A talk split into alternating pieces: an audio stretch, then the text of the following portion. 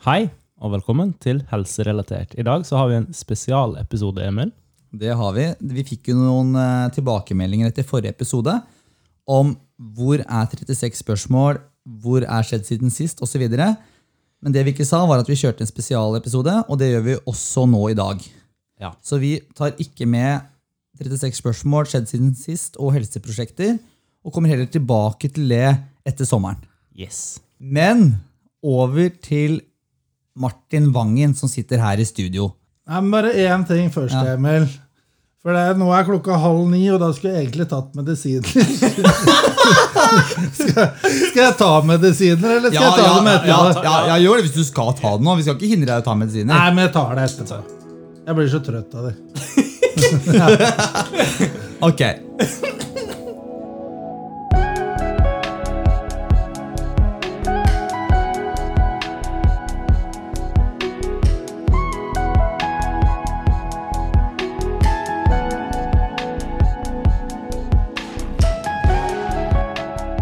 I dag skal vi snakke om både symptomer på mani og depresjon, hvor gjesten vår, som du akkurat eh, hørte avbrøt meg, skal komme med sine erfaringer. Han har levd med en medisinert bipolar 1-lidelse i akkurat fem år nå. Martin har aldri før fortalt sin fulle historie, og vi gleder oss til å høre og få, og få, og få dele hans historie. Han er en interessant type. Slagordet til Martin er 'vær interessert, ikke interessant'. Og det er noe vi liker. Vi må også si her at Martin har eh, konferert med psykiater og diverse eh, om at det her er en grei episode å spille inn. Han har jo tross alt en alvorlig medisinsk diagnose, eh, hvor det er mye følelser inne i bildet. Og jeg lurer på, Martin, vil du introdusere deg selv videre? Jepp. Så jeg heter Martin, og i forrige uke så kjøpte jeg meg klokke til 61 400. Jeg måtte jo ha identisk klokke som Neil Armstrong hadde på månen i 1969. I manien så skjer det mye som er veldig dyrt for meg. Men jeg har lyst til å spore tiden langt tilbake i tid, og til den lyseste dagen i 1977. Jeg har blitt 42 år, og jeg har hatt en utrolig fin oppvekst på Lillehammer sammen med to foreldre og en storebror. Jeg herja vilt på ski i OL-løypene i Hafjell og Kvitfjell, men de siste årene så har frikjøring i Alpene med veldig gode venner vært å foretrekke. Eh, Jeg har alltid hatt en drivkraft for å reise og oppdage nye kulturer, og ikke minst, jeg tror det er det å møte nye folk for meg, det er det som virkelig er, eh, er drivkraften bak det. Eh, Og denne drivkraften har tatt meg til hele 70 land. Og jeg fikk heldigvis være med siste fly fra Kapp Verde når jeg befant meg der 12. mars i år. På feil sted, på feil tid igjen. Jeg, er, eh, jeg har lyst til å si litt også om, eh, om bakgrunnen min. For Yes. jeg er utdanna sivilmarkedsfører med toppkarakterer. Jeg jobba som produktsjef i 15 år i to eh, veldig kjente og to av de mest ledende merkevareselskapene i Norge. Eh, hvor jeg har bidratt med eh, hundretalls produktlanseringer. Noe som jeg er veldig stolt av, og mye av det finner du i butikken i dag. Selv om det er, er fem år siden jeg måtte gi slipp. Eh, Jeg har hatt et veldig godt liv frem til jeg plutselig mistet alt overskudd og smittende humør i mai 2014. Så det her blir egentlig min fortelling om, eh, om oppturer og nedturer. Eh, Det har vært mange nedturer, og det har vært mange oppturer, men med bipolar lidelse så trenger ikke en opptur hvor vi ler og koser oss over gode historier, like morsomt å være mm, bidragsyteren til. Så, men jeg ønsker å snakke helt ærlig om, eh, om alt, for det, ellers så syns jeg ikke det er noe vits å være med. Det ble veldig bra, Martin. Jeg, jeg sitter her og gleder meg. jeg. Ja, jeg er veldig, jeg er veldig glad for at vi har besøk av deg. Det blir bra, det. Men hvordan føler du deg nå, Martin? Hvor ligger du an med tanke på fasene av mani, normal og depresjon? Det som er, er at eh, jeg helt siden Kapp Verde har vært i, i veldig god form. Jeg har vært i god form under koronaen. Og det som viste seg, var at min hverdag forandra seg ikke så mye fra koronaen før og etter. Men, eh, men eh, det er heller at veldig mange flere har kunnet ta litt del i hvordan et liv som uføretrygda er. Ja, ikke sant. Skal vi, skal vi begynne med å definere bipolar 1-lidelse? Er Ja. det et greit sted å begynne? Det kan vi godt gjøre. Vi har jo veldig mange både sykepleierstudenter og folk i helsevesenet som hører på oss, men jeg tenker det kan uansett være greit med en oppfriskning. Eh, og da er det jo da bipolar type 1, definisjonen på den. Bipolar lidelse er en lidelse som gjør at humøret ditt og aktivitetsnivået ditt svinger mer enn hva andre mennesker opplever. Bipolar betyr to poler, og de to polene står for mani, hypomani, som da er oppstemthet, og depresjon, nedstemthet. Da lurer vi på, eh, Martin, hvor starta det? Nei, det starta med at, øh, at øh, jeg begynte å grue meg til å gå på jobben. Og det hadde jeg aldri opp, opplevd før. Jeg har liksom hatt full guts og fullt engasjement. Eh, så gjentok det seg. Og, jeg, har alltid, jeg har alltid sagt til folk at hvis du har det vanskelig en dag, så blir det mye lettere neste dag. Men siden jeg var så obs på det her, så merka jeg det. Det blei jo ikke lettere. Det blei bare vanskeligere og vanskeligere og vanskeligere. Så, så, og dag blei natt. Og, og, og så var det det at um, jeg dro på jobben uh, og var helt ute å kjøre, altså. For jeg hadde blitt Instagram-kjendis over natta. Og jeg var så kjent at, at hele politiet sto langs veien når jeg skulle kjøre til jobb. Ja, ja. Og NRK-bilen sto der, og, og, og, og jeg, var, jeg var så ute å kjøre at det var uh, tre stykker på jobben som uh, tok meg til side, og så ringte de sjefen min. Og han satt i et møte, og han skjønte at det var alvor, så han bare dundra på, sikkert langt over fartsgrensa, for var der i hvert fall eh, fra å være et møte til å være eh, hos meg så tok det under ti minutter, og da, da kjørte vi til eh, fastlegen min. Og jeg prøvde å overbevise ham om at jeg ikke er helt ute å sykle, men at jeg som huska ting, detaljerte ting. Da. Og så, og så var det et kjapt treff hos fastlege, og så var det et øh, Og så var det rett på Lovisenberg, hvor de sto klare. Uh, og jeg fortalte at helten min var Donald Duck. og, Shit, altså. og, og flere andre rare ting. Men, men det med Donald det har alltid vært et veldig stort forbilde for meg. Men det har kanskje ikke vært, eh, vært eh, mentoren min på, på lederskap og produktutvikling. Da. Men eh, det var i hvert fall sånn det starta. Og så er det det at um, nå skal Thomas gå gjennom symptomene, og så skal jeg prøve å svare så godt jeg kan på hvordan ja. jeg forholder meg til de symptomene. Ja, det er, det er helt riktig. Vi tenkte at det kunne være ganske ryddig i dag å ha liksom, symptomene på både mani og, og Depresjon. depresjon som liksom skjelettet til Mm. episoden. Ja, Så så, da- kan, eh, da kommer Martin da med liksom sine opplevelser av de ulike symptomene. Men da vil du at jeg skal ta ett og ett, da, Martin? Da tar du ett og ett, og så svarer jeg. Bra plan. Ryddig. Så da har vi symptom på mani. Du er overdrevent optimistisk og energisk. Ja, det kan vi jammen si at det har vært opptil flere, flere, flere ganger. Men jeg vil kanskje dra fram New York City. Streets of New York. Den nye, nye kontoen på Instagram og Facebook Mm. som virkelig uh, skulle slå an. Jeg hadde jo vært både hos TV 2 og NRK, men uh, de hadde ikke forstått hvor stor Instagram-stjerne jeg var. Så nå satsa jeg alt på at berømmelse det oppstår i verdensmetropoler. Og jeg valgte ut New York City. Klokt valg. Jeg hadde laget kontoen at Streets of New York, og nå skulle jeg bli verdenskjent. Det var helt sikkert. Eh, Jeg trykka opp håndlagde visittkort i London. Brukte mye dollars på promotering av siden. Jeg hadde allerede nådd um, ut til én million brukere på Instagram før jeg dro. Eh, Jeg sov nok ikke så mye før den flyturen, for eh, forberedelsene hadde foregått i månedsvis. Og jeg gjorde det akkurat som jeg gjorde på jobben, like detaljert og entusiastisk. Så ja, det, det, det var vanskelig å skille dag fra natt. Så, så når jeg kom til JFK, promoterte jeg meg i passkontrollen. Da var det fram med visittkortet. Og han hadde Og det visittkortet skulle bli mye verdt. Og han hadde trua, han store bamsen i passkontrollen. Ja, ja, det begynte allerede der. Ja, jeg begynte, begynte der, ja.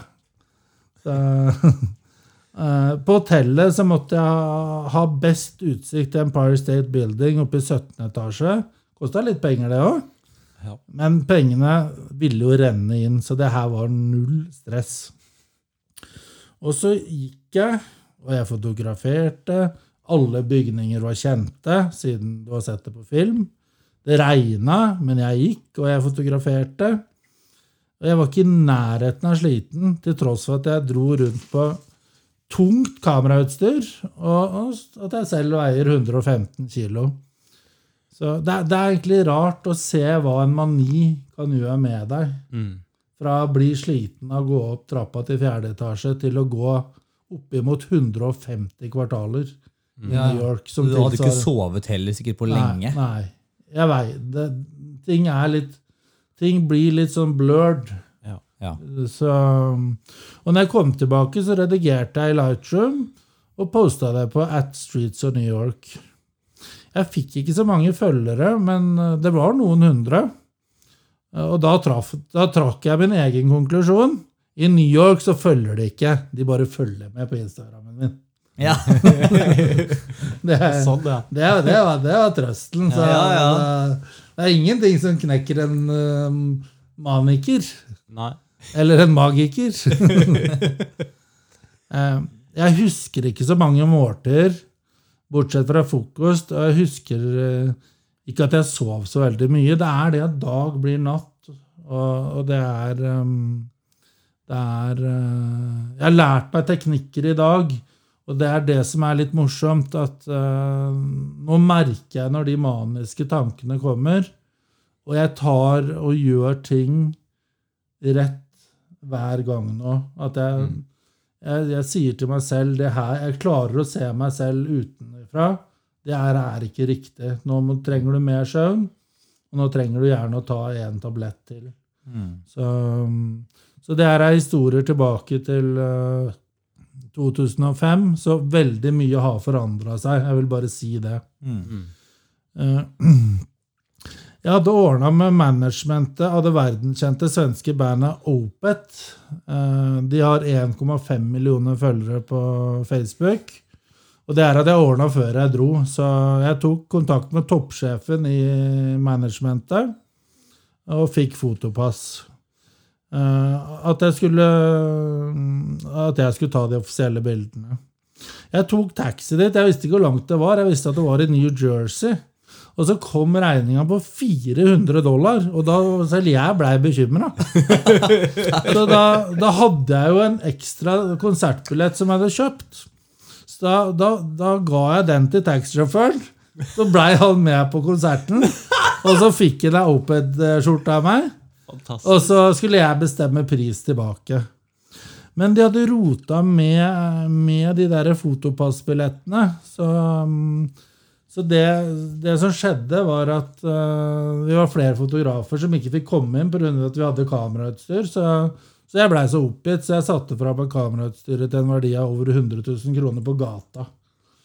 Men jeg fikk meg konserten, og jeg fikk, eh, jeg fikk en eh, tur hjem for 100 dollar. Og, og jeg og Mahmoud vi er Facebook-venner den dag i dag.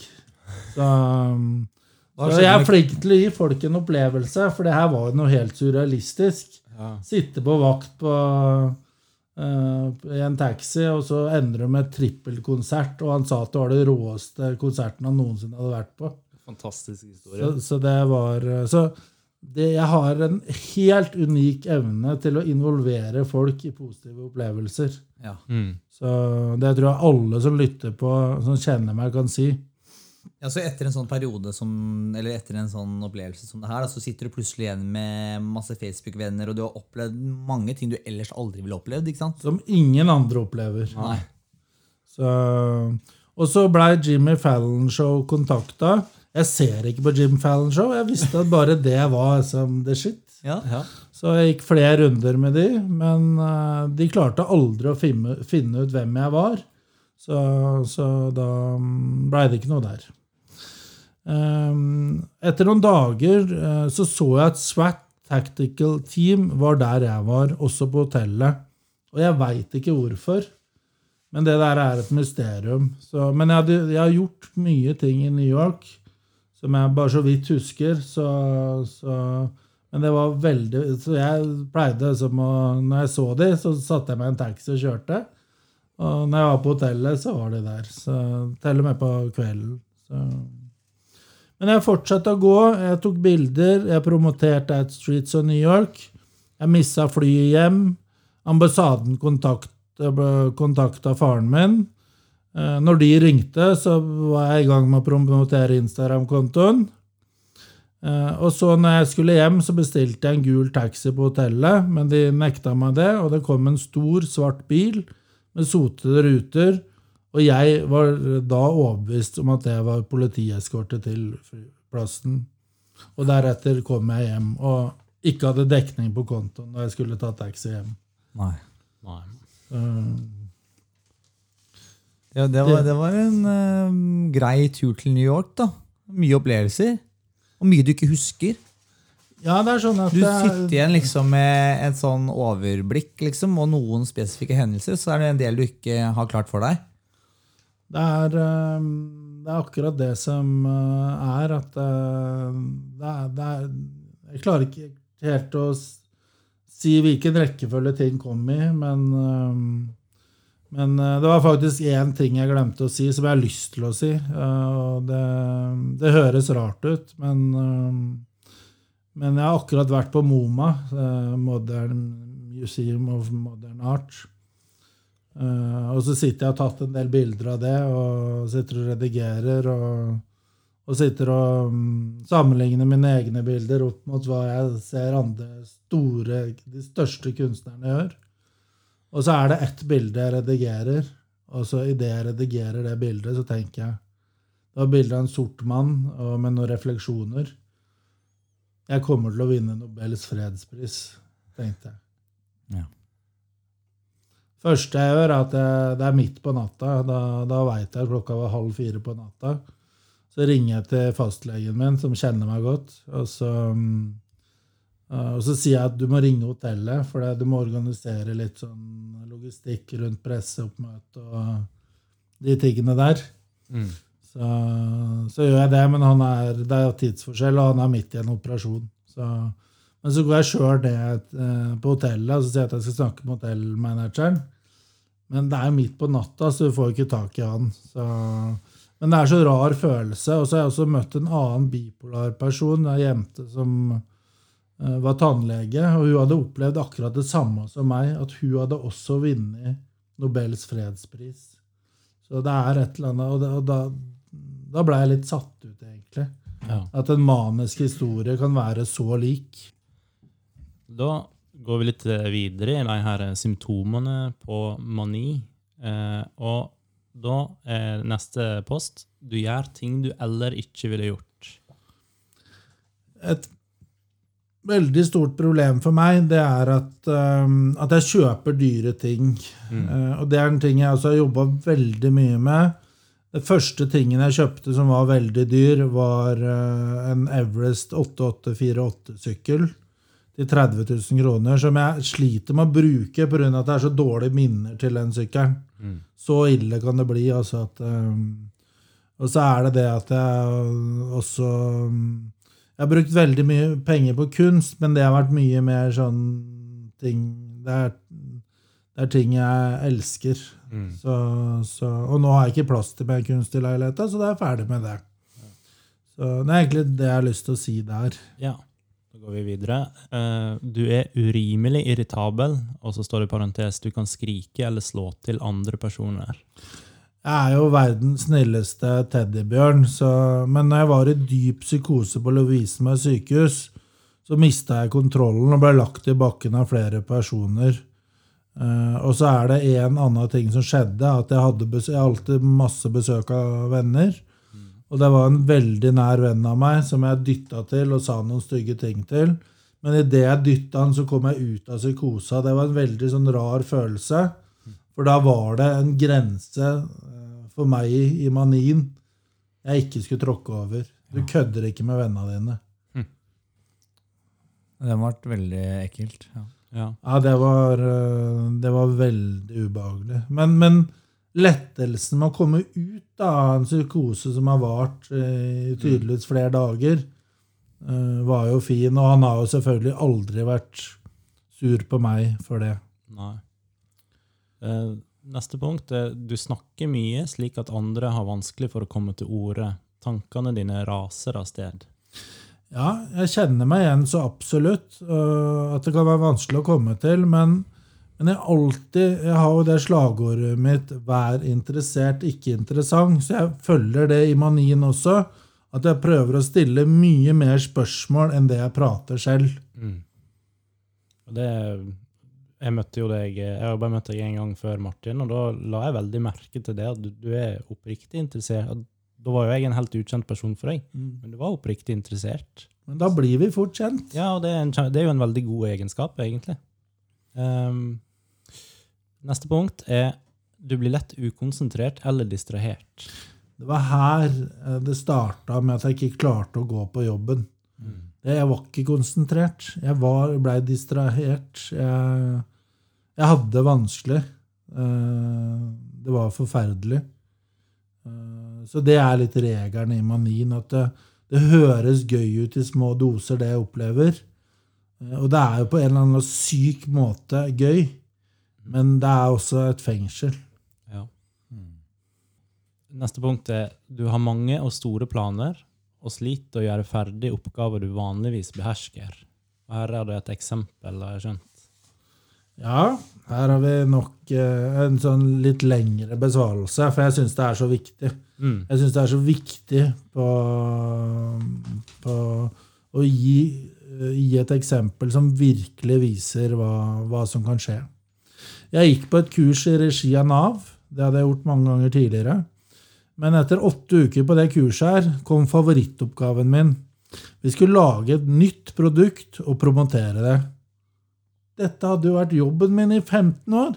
Her, kunne jeg her var jeg virkelig Her var Martin Vangen tilbake. Jeg kom kjapt på at jeg ville kombinere to kjente produkter. Det er noe jeg har brukt veldig mye jobb. Å ta to forskjellige formater og kombinere det sammen.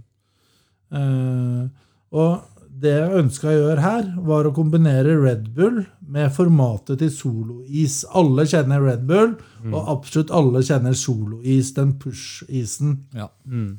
Min favorittis. Min òg. Jeg laget en powerpoint-presentasjon i løpet av tre timer. Og nå skal du høre hva den inneholdt. Det var produktidé med skisse av en utrolig eh, god illustratør. Det var en SWOT-analyse som var grundig. Hva er det? Eh, det er eh, strength, strength, weakness, opportunities and threats. Mm. Det er en sånn type eh, analyse du gjør Ja. i forbindelse med spesielle produktlanseringer. Ja. Dine, dine styrker, svakheter, muligheter og det som er threats, da. Eh, Er blir konkurrenter Ja, ja, ja. Trusler eller ja. trusler, ja. Så markedsføringskampanje med skisser. Konkurranseplan med skisser. Reelle kostnader fra en isfabrikk i Spania. Og en uh, emballasjeleverandør som jeg kjente godt til. Uh, en prognose på 1 milliard enheter basert på Red Bull sitt salg i ulike land. Så, så det her var eh, det jeg vil kalle en fullstendig eh, presentasjon som var klar til å, å presenteres for Red Bull. Og tre timer er ganske kort tid for å Så det sier litt hvor kjapt hjernen min kan fungere. og hvor riktig den kan reagere på rett stimuli. Jeg fikk applaus veldig, for veldig bra presentasjon, og den blei sendt på hele huset. Men, eh, men her stopper det ikke for meg. Her starter det for meg. Jeg fikk gjennom bekjente tak i en som rapporterer direkte til grunnleggeren av Red Bull, som er god for 22,4 milliarder dollar. Og det var bare en non-disclosure agreement som sto mellom et møte med grunnleggeren av Red Bull og meg. Men det er her det skjer. Jeg girer meg opp. Jeg ser fremtidig inntekt som blir astronomisk. Jeg har endelig lykkes. Jeg skal slippe å gå på Nav. Jeg skal slippe å være uføretrygda. Jeg skal kunne leve akkurat det livet jeg har lyst til å leve. Og da blir det for mye. Jeg brenner av rakettbensin i rakettfart. Jeg blir lagt inn, men jeg drar fra Lovisenberg til Park Inn på Gardermoen, hvor jeg gir 10 000 i tips på en Long Island Ice Tea som jeg aldri ellers drikker. Eh, Men så går jeg for å hente snus, og så tenker jeg Nei, jeg, vil selv, jeg gjør meg selv historisk i dag. Jeg gir, legger på tre nuller, så da blir det én million. Men nei da, det blei ti millioner. Onkel rydder opp. Så det Martin er veldig veldig sjenerøs. Veldig raus. Ja, veldig raus type. Raus type. Jeg stikker fra ambulansen, blir arrestert på um, flybussterminalen på um, Gardermoen. Blir sendt på legevakta eh, og får spørsmål om hvilket år det er i dag. Så sier jeg sånn 2057. Det står vel på T-skjorta mi. Ja. År 2097. ja, ikke sant? Ja. Så, så jeg bare tuller. Og, Du er litt i forkant. Ja. så så jeg, jeg, jeg bare lurer på hvordan de, de reagerer når jeg bare snakker tull. Mm. Og de bare opp, øh, de, de ler ikke på øyenbrynene. Men jeg, det er en taxi utafor akkurat klokka sju når legevakta åpner. Så da drar jeg til Strømstad spa med taxi. Suite, champagne, ligger i badekaret i tre timer. Har brukt 20 000-30 000 på fem timer. Det er sure penger, altså. Ja. Det er som eh, det jeg har pleid å si til folk, at jeg sparer i depresjon til jeg kommer i manien. Men én ting som er så bra, gutta, det er det at jeg, det her kommer ikke til å gjenta seg. Antageligvis ikke. Av at jeg jobber med meg selv, og jeg veit jeg har en nevrologisk sykdom. Det er overføring i, i nervesignaler. Det blir for mye eller for lite dopamin og serotonin. Og jeg jobber med det hver dag. Og, og, og, det, og det er så deilig å kjenne eh, at det fungerer, og det er det det som er egentlig Derfor jeg stiller opp på det her i dag, det er ikke å fortelle eh, røverhistorier fra New York og Red Bull. Det er for å, um, å gi et håp til bipolare 1 at gjør vi det riktig, og er vi fokusert nok, tar vi medisinene våre, det er vi helt avhengig av, da kan vi ha et bra liv. Ja, Det er veldig fint at du får frem, for det er jo helt ville historier du forteller, Martin. Ja, det er- jeg bare sitter med åpen munn og, og eh, Shit, var det å oppleve en brøkdel av det der? ikke sant? Eh, Og tenk deg jeg som har reist til 70 land. Tenk deg mange historier jeg har. Ja, sant. Jeg ble henta av mamma og pappa på spahotellet og forblir noen uker på Lovisenberg. Så det er de lange, lange svarene mine, men, eh, men de er vel så interessante, de korte svarene mine. Ja. Så, så da vil bare fortsette videre, Martin. Ja, ja. Ja. ja, da kan vi ta neste, da. Eh, Du har masse energi og har vansker med å sette deg ned og slappe av. Må gjøre noe hele tiden. Ja, du trenger mindre Eller du trenger ikke mindre søvn, men du tror du trenger mindre søvn Mm. enn vanlig. Og jeg har sagt det flere ganger. Dag blir natt, natt blir dag. Mm. Jeg mister kontrollen. Men det er det der med å prøve å Det, det kalles triggerpunkter, de, de Thomas ramser opp nå. Mm. Og det er så viktig å være bevisst på at det her er bipolare symptomer.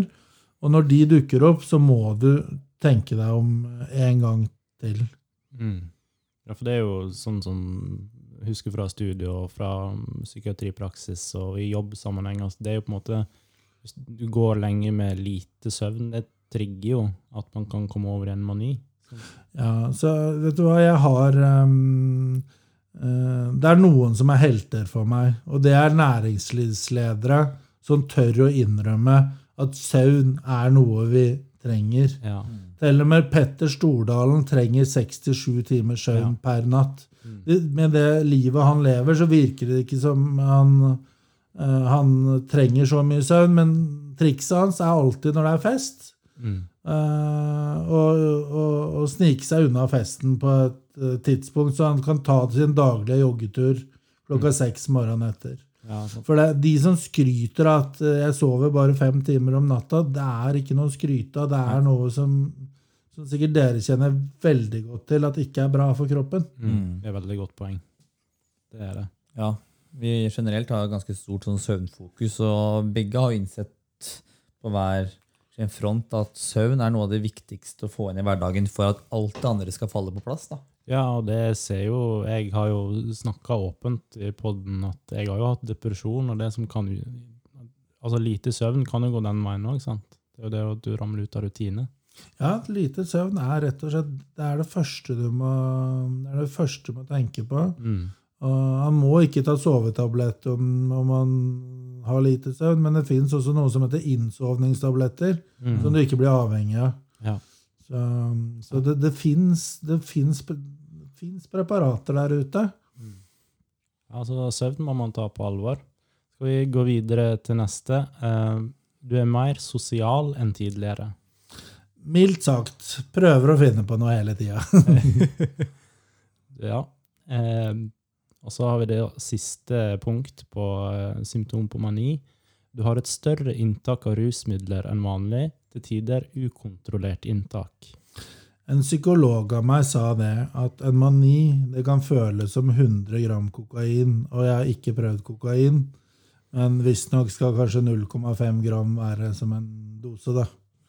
Så det sier jo litt om eh, hvordan jeg føler meg. Men jeg er veldig flink her. Jeg drikker mye mindre alkohol enn før. Aldri hjemme aleine. Drikker kanskje én eller to øl med venner. Og av og til tar meg en fest. Og jeg har aldri brukt andre rusmidler, så det, det skiller meg fra de fleste bipolar 1, som sliter I tillegg til å være bipolar 1, så sliter du med rusen, og da er spørsmålet hvor skal du starte? Altså, da har du så mye mer problemer enn det jeg har. Ja, da blir det jo litt dobbelt opp. Men sånn, eh, Før vi går videre til de andre symptomene, da. Sånn generelt, føler du at du har en sånn økt arbeidskapasitet og kreativ evne? Absolutt. Så den er hel. Den er, og de, de sier også, det er skrevet en del artikler om det, jeg følger veldig mye med på både norsk og eh, internasjonal forskning, at uh, bipolar 1 er kjent ha veldig høy intelligens. Så, og i tillegg til at uh, du har høy intelligens, så har du det stå-på-giret. Og du, og du du ser ingen hem hemninger. Jeg kan f.eks.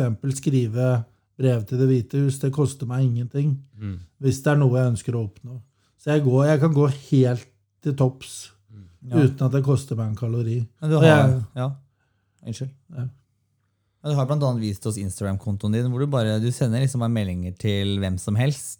Eller folk du har lyst til å snakke med. da. Ja, Ua, så ua, det- uansett liksom kjendisstatus eller Ja, ja, og, bare- og det verste er at du, du får svar.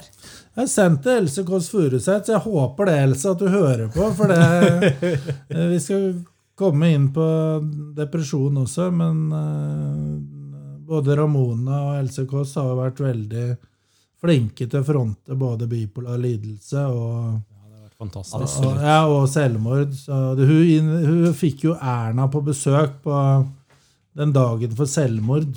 Mm. Så det var helt Ja, fantastisk. hun, hun er veldig inspirerende. Skal vi klappe for de, eller? Ja, vi må nesten gjøre det. Det må vi. Det må vi faktisk. De er veldig inspirerende.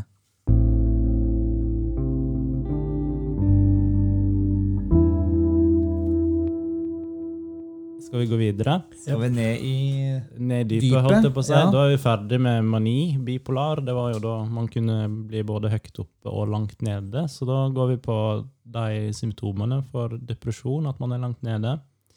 Eh, du føler lite, er pessimistisk og ser det meste i et negativt lys. Det som har skjedd, det er at du har gått på rakettbensin, og den rakettbensinen, den er borte. Du får ikke mer rakettbensin. Og motsatt av rakettbensin er at du er bare rett og slett helt apatisk. Mm. Uh, og, så, og så har du de der urimelige selvbebreidelsene. Hvorfor gjorde jeg det? Masse skyldfølelse. Hvorfor gjorde jeg det? Eh, og dette kan bære preg av rene vrangforestillinger, som for eksempel det med økonomisk ruin er nært forestående. Det er derfor jeg tror jeg at drive mot å liksom, skape et produkt som kan sikre framtida mi. Mm. For jeg tenker på det der med økonomisk ruin. Og, øh, og, og Thomas, du også er jo uføretrygda. Har du Ja. den tanken? Eh, om økonomisk ruin? Ja. Eh, ja, kanskje ikke helt. Men jeg har, eh, jeg har jo økonomiske bekymringer. Det vil jeg tørre å påstå. Eh, man får jo mindre inn enn man skulle ønske. ja. Så ja. Øh, Og så er det det at vi vil jo aldri ha muligheten til den store lønnsveksten hvis vi ikke kommer ut i jobb igjen. Nei, det er det, sant. Så, så vi vil jo Vi henger greit med i dag, Mm. men vi vil liksom bare henge mer og mer etter. Ja, sant. Og du Ja. Du har på en måte ingen stige å klatre, da. Hvis Nei. ikke du kommer deg ut av. Og så er det det at Thomas og jeg har uh, to av de vanskeligste jobbene som er i Norge. Mm. Det er det å, å bli kjent med seg sjøl. Ja. Og, og, og si positive ting til seg sjøl. Mm. Og, og det er ikke så mange som heier på deg, men, eh, men uh, i, det, i, det, i hverdagen. Nei, men, sant. Nei, for man eh, så- står jo aleine. Man står veldig mye aleine. Tar ansvar for Altså sånn, Det jeg og Emil har diskutert det er veldig masse, at når du har en jobb og du har rutiner og du har liksom Da har du en slags ramme rundt livet ditt, da, men for meg og deg så må vi jo på en måte skape de rammene sjøl. Mm. Det er jo en jobb, bare det. Mm. Det er det. Skal vi gå videre til neste? Du kan være svært trist eller ha selvmordstanker. Jeg mener at selvmord er vår tids største problem for oss som sliter med kjemien i hjernen. Så vi kan ikke bare skjerpe oss. Vi har trukket et uheldig lodd. Jeg går fra å være en fremgangsrik og ekstraordinær produktsjef som er elska, til å bli uføretrygda i løpet av dager. Selv om det tar seks år å bli uføretrygda, så starter du løpet Mm. dagen etter du kanskje hadde det mest fantastiske produktet presentert for en kunde. Mm. Så det, er, det, er, det, kreves enormt av oss. Og bipolar lidelse er en somatisk sykdom, mener jeg. At det er et feil i overføring av nervesignaler. Og jeg har ikke mentale problemer. Jeg er veldig sterk mentalt. Mm. Men um, det er veldig vanskelig å skille på de, så jeg blir ikke lei meg når folk sier at jeg har en psykisk sykdom. Selv om man kan si at jeg er um, uenig. Og dessverre, i fjor så var det 650 selvdrap, og mm, hovedvekten var menn i 40-årene. Og det er helt forferdelig. Så hvis den podkasten her kan redde ett liv, pluss at det redder mitt eget liv, da, da er jeg meget fornøyd med resultatet. Det er vi òg. Absolutt, det er helt forferdelig. Og det at du snakker åpent om det her, det tror jeg kan være veldig viktig for, eh, for de som eh, hører på. Mm. Absolutt. Mer, mer åpenhet generelt er bra. Ja, det har jo på en måte vært den lista vi har lagt på oss i den podkasten her, men du sprenger jo alle grenser. Ja, men, jeg, men når det iboende i deg er 'vær interessert, ikke interessant' Ja. Og jeg hadde en spennende diskusjon med, eh, med Emil på, på T-banen. Eh, og, og, og det gikk litt, rann, litt på det med verdighet og hvordan du blir tatt imot av f.eks. Bipolarforeningen. Det har så mye å si at du liksom blir tatt imot på en god måte, og så viser Mm. seg det at det er flere foreninger som egentlig ikke bryr seg i, i stor grad. ja. Så det er dessverre både Thomas, nei, Emil og Thomas og jeg har opplevd. Ja. ja, det er sant. Det skulle vært litt mer tak i visse foreninger, uten å nevne navn. Eh, skal ta neste. Du kan få angst, gjerne i form av rastløshet eller panikkanfall. Jeg tror jeg bare svarer kort der nei. Jeg, jeg, jeg, er ikke, jeg får ikke noe sånn angstanfall. Jeg kan slite med å gå på butikken, men, men det er, jeg veit ikke hva jeg skal kalle det. Det er ubesluttsomhet mye mer enn angst. Ja. Du blir veldig ubesluttsom pga. at du mangler energien. Mm. Ja, eh, Kan du utdype det bitte litt? Ja, Hvis du tar neste, Thomas. Ja, jeg kan ta neste. Eh, Du har mindre energi og blir raskt tiltaksløs. Ja. Ja. Så det er det, det, det, det er det at ved depresjon så mangler vi helt energien siden den er brukt opp under manien. Vi er fullstendig ubesluttsomme. Jeg klarer ofte ikke å bestemme hva jeg skal ha på butikken, så noen ganger går jeg uten mat i flere dager. Og det er altså jeg er litt forbi nå. Jeg jobba så mye med de symptomene her. Det er derfor det var så viktig for meg at det var sånn vi skulle bygge opp podkasten. For det Mitt råd er at se på symptomene og jobb med symptomene, og prøv å forstå hvorfor Mm. får jeg angst. Det er så herlig håndfast. Det er liksom så, det er så fantastisk hvordan du på en måte har angrepet da egen lidelse. Mm. At du bare, ok, vet du hva, Jeg begynner å arbeide med symptomlista. jeg. Ja. Ja. ja, det er veldig Er, er det noe du har liksom blitt råda til, eller er det en strategi du har funnet selv? eller? Det er det at det er litt unik på mange måter. At jeg er så raus, og så er jeg så åpen, og så er jeg så nysgjerrig. Mm. Og så er jeg så Jeg leter etter informasjon, og når jeg finner den, så, så bruker jeg den til noe. Så det er egentlig min egen strategi som jeg jeg, jeg hører det nå, at det her er et veldig godt råd. Ja. Ja, men det er et veldig godt råd. Du har vanskelig for å gjennomføre skole og jobb. Det er vanskeligere fordi selvtilliten er borte. Konsentrasjonssvikt er regelen, og jeg merker at noe var galt når jeg ikke lenger klarte å gjøre jobben min som jeg hadde gjort med enorm iver og engasjement tidligere. Så, så det var Det var virkelig og så, og så skjønte jeg ikke hva som skjedde med kroppen min. Det var det som var mest frustrerende. Mm. Så jeg begynte å lese om bipolar lidelse allerede første dag jeg var sykemeldt. Eh, Og fant jo det symptomlista her og skjønte at jeg er garantert bipolar. Men det tok meg ett år å, å overbevise fastlegen som var 70 år, og behandler som hadde troa på ost, ost, ost, Os- Osteopati. Osteopati. Så, så det, var, eh, det var ikke før jeg ble innlagt folk virkelig forsto hva jeg led av. Selv om jeg visste det selv Nei. et helt år. Hadde du noen andre teorier, eller var det noen andre diagnoser du fikk slengt etter deg? Fastlegen sa det at hvis ikke jeg var bra etter fire dager hos psykolog, så var det meg det var noe gærent med. Og det var ganske tøft. Oi. Og til slutt så nekta han å skrive ut sykemelding, så jeg måtte gå på psykiatrisk legevakt for å få det. Det høres veldig spesielt ut. Um, neste punkt her er du bruker mye tid på å tenke og gruble. Ja, det er det som jeg var inne på i stad også. Den der, eh, det er sånn, vi må bare få katta ut av sekken. Det er det derre selvmordet, altså. Mm. Det er planlegge det, og det er, eh, det er så sort.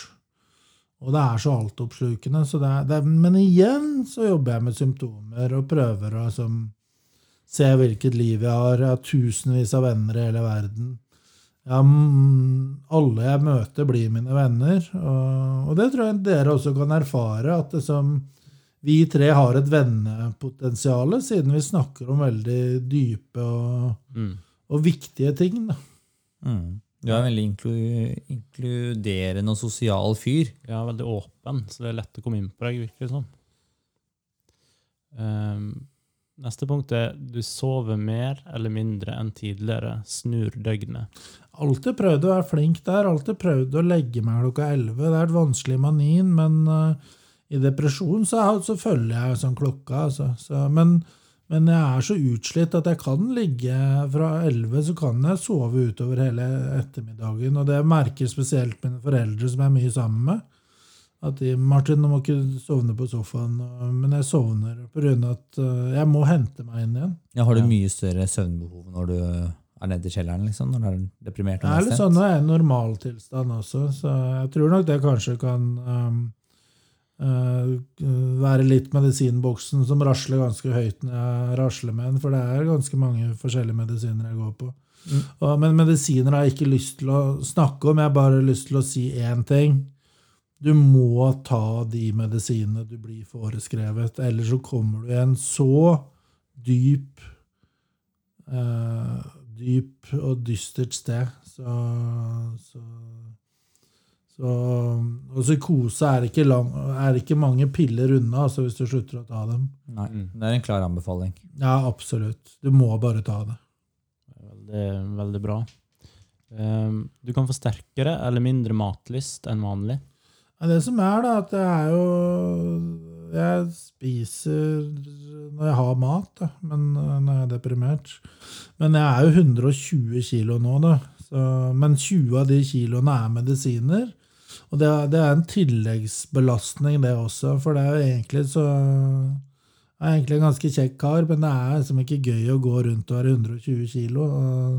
Jeg går, prøver å gå 15 000 skritt hver dag. Og prøver å spise noenlunde sunt, men jeg er veldig glad i godteri. Da. Så det, det må jeg bare slutte med nå, rett og slett. Så, men ikke noe sånn Ikke noe mer eller mindre matlyst enn en vanlig. Nei. Ikke, ikke noe Nei. Nei. Um, du trekker deg tilbake fra familie og venner, annet fordi du ikke orker å ha noen rundt deg, eller ikke orker hverdagen. Jeg trekker meg mer tilbake, men så, men så velger jeg også å oppsøke familie, og øh, spesielt familie. da. Er så heldig at vi har flere steder, både på Lillehammer og ved Drammensfjorden så det er som, og hytta. Så det er mange steder å dra under en type depresjon. Så, Ja. så, men på absolutt alle symptomer på den lista her, så jeg blitt, blir jeg flinkere for hver dag. Men tar du aktivt kontakt med familien Nei, når du begynner å merke at du kommer ned i et hull, eller, eller Ja. merker de det på deg? Jeg er så opptatt at siden jeg har en, øh, en En av ti tar livet sitt, så er jeg veldig påpasselig med at hvis noen ringer meg, så tar jeg telefonen. Ja. For jeg går ikke en uke uten å ta telefonen. Da tror jeg ambulansen står på døra mi. Så, så jeg er veldig opptatt av det. Kanskje, jeg ringer ikke mye ut, men jeg tar telefonen når det, er, Når det blir ringt. når, når, når det blir ringt. Da tror jeg vi er kommet til siste punkt her. Eh, Du kutter ut trening og hobbyer. Ja, det gjør jeg. Så, men, jeg men jeg prøver å gå de 15 000 skrittene, da. Ja, Klarer du det selv når du er nede i kjelleren? Jeg veit ikke ennå, for det er en stund siden jeg har vært nede nå. Jeg, har, som, jeg var oppe på Kapp Verde, og før det så, så, så livet mitt er litt sånn at jeg egentlig ikke har lyst til å lage en graf hvor jeg er hen. Men nå er det såpass lenge siden at jeg, jeg tror jeg skal klare det den gangen her. Når jeg eventuelt kommer i en depresjon. Og er jeg heldig, så, så er jeg vært flink nok nå til å unngå store manier og store depresjoner. Og det er ikke dagligdags for en bipolar 1, for det er en mye sterkere sykdom enn bipolar 2. Forskjellen er at jeg blir manisk og kan bli psykotisk og deprimert veldig sterkt. Mens en bipolar 2 har en hypomani og, og en depresjon som er mildere. Ja. Bipolar 1 er, ja, den frakkeste Bratteste kurve på grafen. Frakkeste som er tøffeste bipolar Ja, nå sitter du her med sånn veldig frakk bipolar. Ja. Så Thomas har en veldig sånn frakk eh, medfødt eh, med hjertefeil. Så jeg er, jeg er i bra selskap her, altså. Du er blant de frakkeste. Men så skal jo du operere. Thomas snart. Da. Det er jeg spent på. Eh, Jeg skal nok ikke operere han, forhåpentligvis. Ja, Kanskje du skal assistere hvis du går tilbake til gamlejobben din? Ja, jeg absolutt. Håper-. Jeg håper jo det. da. Men vet du, hva, vet du hva, Martin? Jeg har bare sittet her og blitt informert og hørt bra historier, og jeg, jeg syns det her har vært skikkelig bra. Det er, jo, det er jo mye bra også med å ha en bipolar 1-lidelse. ikke sant? Du har jo snakka om at du har en enorm arbeidskapasitet, du er kreativ. ikke sant? Er det andre store fordeler? Det er den, en positiv side ved bipolar lidelse, og den er ikke liten, altså. Det er den kunstneriske kreativiteten som forekommer hyppigere enn det som kan forventes ut fra tilfeldighet. I hypomane perioder kan vi oppnå mer og være mer grensesprengende enn vanlige mennesker. Nå tar jeg sånn hermetegn. Noe som kan komme fellesskapet til gode. Og Jeg har lyst til å gi noen eksempler her på kjente personer som led av bipolar lidelse eller lider av det. Thomas Jefferson, Henrik Wergeland, Amalie Skram, Arne Garborg, Winston Churchill, Lev Tolstoy, Edvard Munch, Winston van Gogh, Kurt Cobain, Kanye West, Stephen Fry og min store helt Robin Williams og fotografitalentet Martin Vangen. Ja. Men hvis jeg, jeg har bare lyst til å si avslutningsvis Nå skal jeg beskrive meg selv under depresjon. Da sier jeg bor alene, arbeidsledig, uføretrygda og tjukk. Hvis jeg beskriver meg selv under en mani eller en eh, normalfase Medbetalt, utrolig fet loftsleilighet eh, med alle, med all favorittkunst jeg kan tenke Med alle favorittkunstnere på veggen. Og har eh, tid eh, til å utforske fotografienes verden. Mm. Tid til å mm, lese meg på alt jeg kan tenke meg. Eh, og at uh, hvis jeg spiser litt mindre godteri, så kan jeg se bedre ut, og jeg kan føle meg mye bedre. Og den siste oppfordringen jeg har uh, til alle bipolar 1 og bipolar 2, det er at ikke mist troen, for det, det, er, det er noe ingen kan ta fra deg. Vær eh, interessert i, i litteratur på feltet. Vær interessert å diskutere de tunge sakene med psykiater og fastlege. Og, og jeg hadde jo en veldig dårlig fastlege, men han gikk jo heldigvis av med alderspensjon. Så jeg har et helt utrolig samarbeid eh, med en pakistansk eh, overlege som, eh, som jeg til og med kan ringe til på natta, og han tar telefonen. Uh, og han er eh, Og jeg spurte han rett ut Uh, var du beste student på studiet. Ja, det var han. Og han um, Han var beste student både i USA og i Polen. Så han er en helt fantastisk samtalepartner. Så, og så vil jeg takke til Thomas, som inviterte oss hjem til din Jo, skulle bare mangle. Nydelig leilighet. Uh, og så vil jeg takke Emil for at uh, du så at uh, vi kunne lage en god podkast sammen. Og så vil jeg avslutte med å si stay trygda. Ja. Vet du hva, Martin? Det har vært en ære å ha deg på besøk i Ja, dag. virkelig. Og den ærligheta di, den er inspirerende. Absolutt. Ja, det har vært eh, veldig Det er veldig Jeg føler det er litt sånn grensesprengende. det her, og det er jo, Nå tar jo vi sommerferie. Vi blir jo borte en måneds tid. Og det her er jo litt av en måte å avslutte sesongen på. Sesongavslutning. Det kan bli snakka om det her, for jeg snakker, jeg snakker så ærlig. Ja. ja og det, det, det er ikke lett, og jeg gjør det her for lytterne, ja. ikke for meg sjøl. Jeg håper at uh, måtte, vanlige folk i hermetegn hører det her, og helsepersonell. Ja. Det er veldig viktig at uh, man får litt innsikt i en så viktig og alvorlig diagnose. da, ja. Bipolar lidelse igjen. Og som Thomas sa, det er litt av et smell, eller, eller litt av en sesongavslutning ja for oss. absolutt. Og det er jo ikke umulig at du kommer seinere her i studio og snakker om kanskje en opptur eller Komme med litt flere historier, kanskje. Ja, eller Eller at jeg kom, kommer som en friskere Ja, Ja. En enda friskere bipolar en. Ja, du er jo veldig på god vei nå. Ja, jeg føler jeg er på gang. Mm. Så jeg tror du kan inspirere veldig mange der ute. Og vi starta med den klokka til 61 400. Og det var ikke et manuskjøp, det var noe som jeg har gått og tenkt på i over et år. Mm. Uh, og, The First Watch Worn on the Moon kommer til å gå i, i arv etter meg. Så, så jeg føler den klokka gir meg flyt. Ja. Og at jeg veit hva tida er til enhver tid. Ja, men det er supert, det. Ja.